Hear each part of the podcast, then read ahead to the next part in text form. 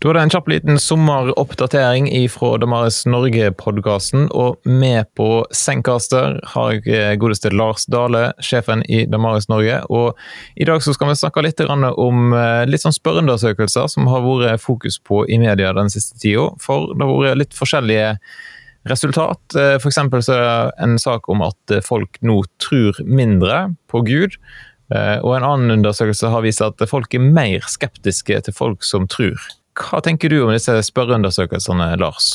Ja, Kjetil, det er kjekt, alltid kjekt å være sammen med deg i eh, Damaris-podkasten. Og jeg tenker jo at når vi møter slike tall, så sier de alle noe, men ingen av de sier alt.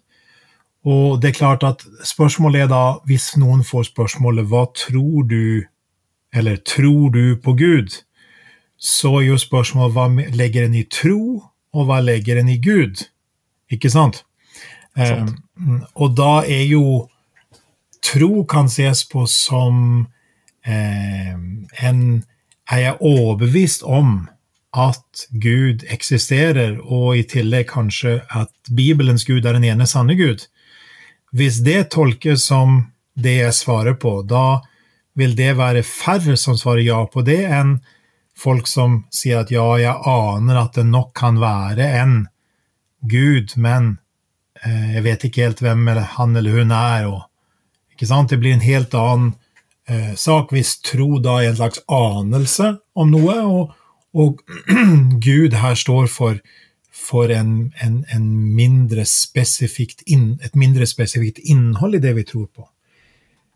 Så, så det spørs på hva spørres det om, og hvordan oppfatter folk spørsmålene i spørreundersøkelsen. Men det som jeg tror i hvert fall er tilfellet, er at den ene fra Norsk, Mon Norsk, Monitor som snakket om at folk færre tror på Gud, og særlig i yngre årskull, eh, at den peker på en tendens til at færre med frimodighet kan si 'jeg er overbevist om at Gud eksisterer'. Så jeg tenkte, Det er jo noen ganger når folk sier at ja, jeg tror ikke på Gud, eh, så kan det være lurt å stille spørsmål tilbake igjen. Ja, Forklar meg litt om hvordan er den Gud som du ikke tror på. Og Så kan de da få lov til å forklare det, og så kan du da enten eh, bekrefte at ja, den, den guden tror heller ikke jeg på, men jeg kan fortelle deg om han som jeg faktisk tror på. Absolutt, og det tenker jeg er en god øvelse for, for hver enkelt av oss egentlig å spørre hva tror vi på, og hva tror vi ikke på?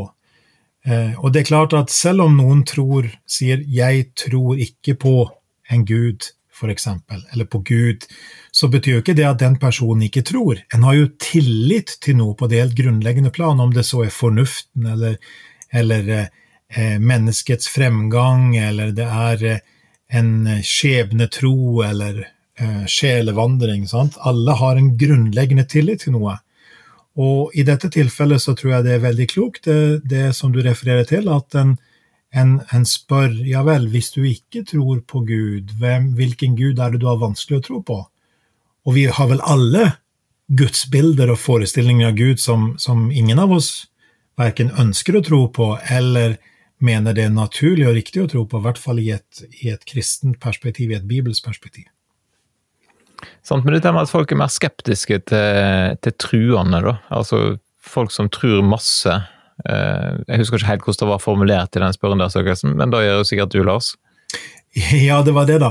Eh, det var vel i retning av at folk eh, var mer skeptiske til folks ekstremt kons eller konservative kristne enn til f.eks. muslimer, tror jeg da, som kom frem. Og, og, da tenker jeg jo at, at, at, det i den sammenhengen her, så må vi jo stille oss spørsmålet igjen, hva ligger bak noe sånt? Kan det ligge bak en slags skepsis i forhold til skråsikkerhet? Ja, da er jo det sunt. Hvis en ikke får skråsikkerhet, er jo en negativ sak. Eh, men, men hvis det ligger en, en sånn uh, nøling til, eller en, en intoleranse til det å ha bestemte, klare overbevisninger. Som jo vi, f.eks. Kjetil, som, som, da sier at vi tror på en Gud som har åpenbart seg i Bibelen. Uh, i, i, skapelsen og i, i, Bibelen, og på en særlig måte i Jesus Kristus. så er jo det en helt spesifikk form for tro. Vi sier vi tror på noe spesifikt, sant? og da kan vi være veldig overbevist om hvorfor vi gjør det. Og, da, og, og, og at en kan møte skepsis til det. Eh, det kan jeg skjønne hvis, hvis, folk er redd for at vi er skråsikre og ikke er lyttende. Men hvis skepsisen, hvis, hvis nølingen har å gjøre med at en egentlig er grunnleggende intolerant, som om det da skulle være mer tolerant å si at alle har sin tro, eller alt er relativt, eller noe sånt. Så jeg tenker det, det, det er mange ting som kan skjule seg bak disse utsagnene. Ja, jeg har lurt litt på hva ligger bak begrepet sterkt troende kristne, på en måte. Det, og, og, hva bilde er det de da har eh, i hovene sine? Er det eh, sånn som media beskriver noen kristne ledere som, eh, som kanskje gjør mer eller mindre smarte ting? Eller er det prega av hvordan Vi har jo skrevet om den diskofilmen, f.eks. Det var kanskje òg et bilde av sterkt troende kristne. Jeg kan jo forstå det, da, hvis det er den da bildet folk har av, eh, som blir presentert i, i populærkulturen, så kan en jo Vi er jo kanskje eh, negative til, eh, til, den type kristen tro, eller?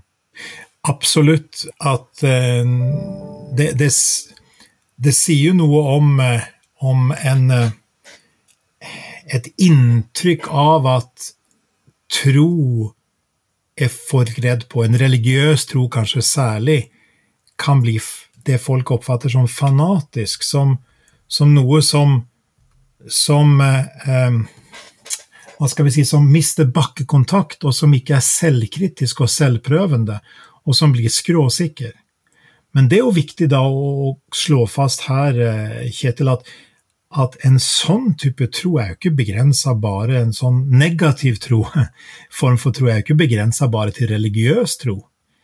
Um, Enhver person står i fare for å, å, bli så skråsikker og så selvsikker i sin overbevisning, om det er religiøs eller sekulær, om det er kristen eller humanitisk forbund eller hva det måtte være, så, så står den i fare for det.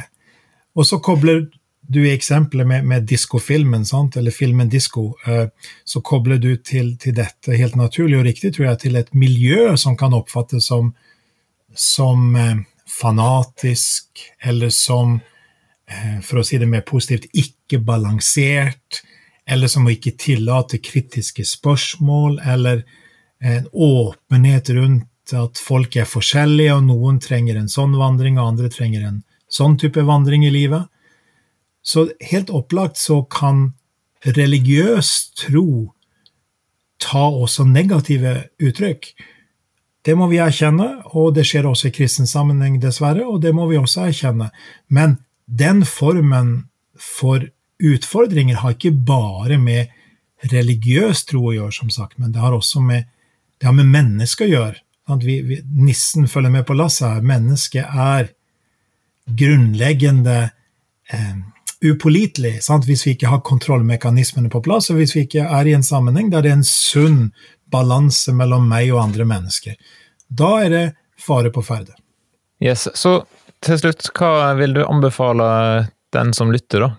Og hvis vi da tenker iallfall eh, kanskje flertallet er kristne som lytter, eh, hva bør vi gjøre når vi møter sånne eh, statistikker og, og saker i media? Jeg tenker det er flere ting her. For det første så bør vi eh, spørre oss hvilke utfordringer dette representerer. Hvordan eh, trenger vi å lytte og lære, og faktisk være villige til å ta dette inn over oss? Er det noe vi trenger å gjøre for å nå frem til folk og nå ut til folk som, eh, som vi ikke lykkes med i dag? Så det første må være en utfordring. Det andre må være en mulighet, tenker jeg. At eh, det, det representerer jo da også samtidig Det er mange, mye statistikker her, Kjetil. En annen statistikk de siste uka her er også Den norske kirkes statistikk, der over fortsatt om det var 70 eller 71% på landsbasis som er medlemmer av Den norske kirke, hvis jeg husker rett her nå.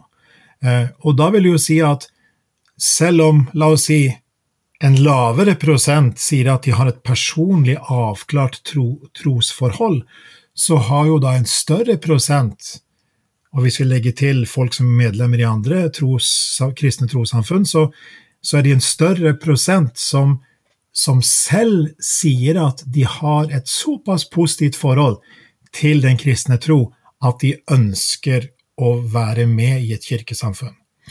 Og Kjetil, da tenker jeg jo faktisk på C.S. Lewis og, og forordet til Se det i øynene, hans klassiker som på engelsk heter Mere Christianity, der han sier det at eh, inn i, en, inn i denne sammenhengen med å, å, å formidle kristen tro, så kan vi snakke om, om kristen tro som et hus der en, vi inviteres inn i gangen i et hus, på, på innsida i kirkens hus, så å si. Og, og så er det mange dører eh, inn i huset videre. Eh, og da det, må vi ha gode grunner for å velge den døren, det kirkesamfunnet vi ønsker å velge. Men den første tingen vi skal gjøre, det er å gå over terskelen inn til troens hus, den kristne troens hus, og utforske det. Og der mener jeg vi kan si med frimodighet at det er gode grunner til å begynne å utforske, eller til å fortsette å utforske, eller kanskje til å komme tilbake til noen en selv trodde på en gang.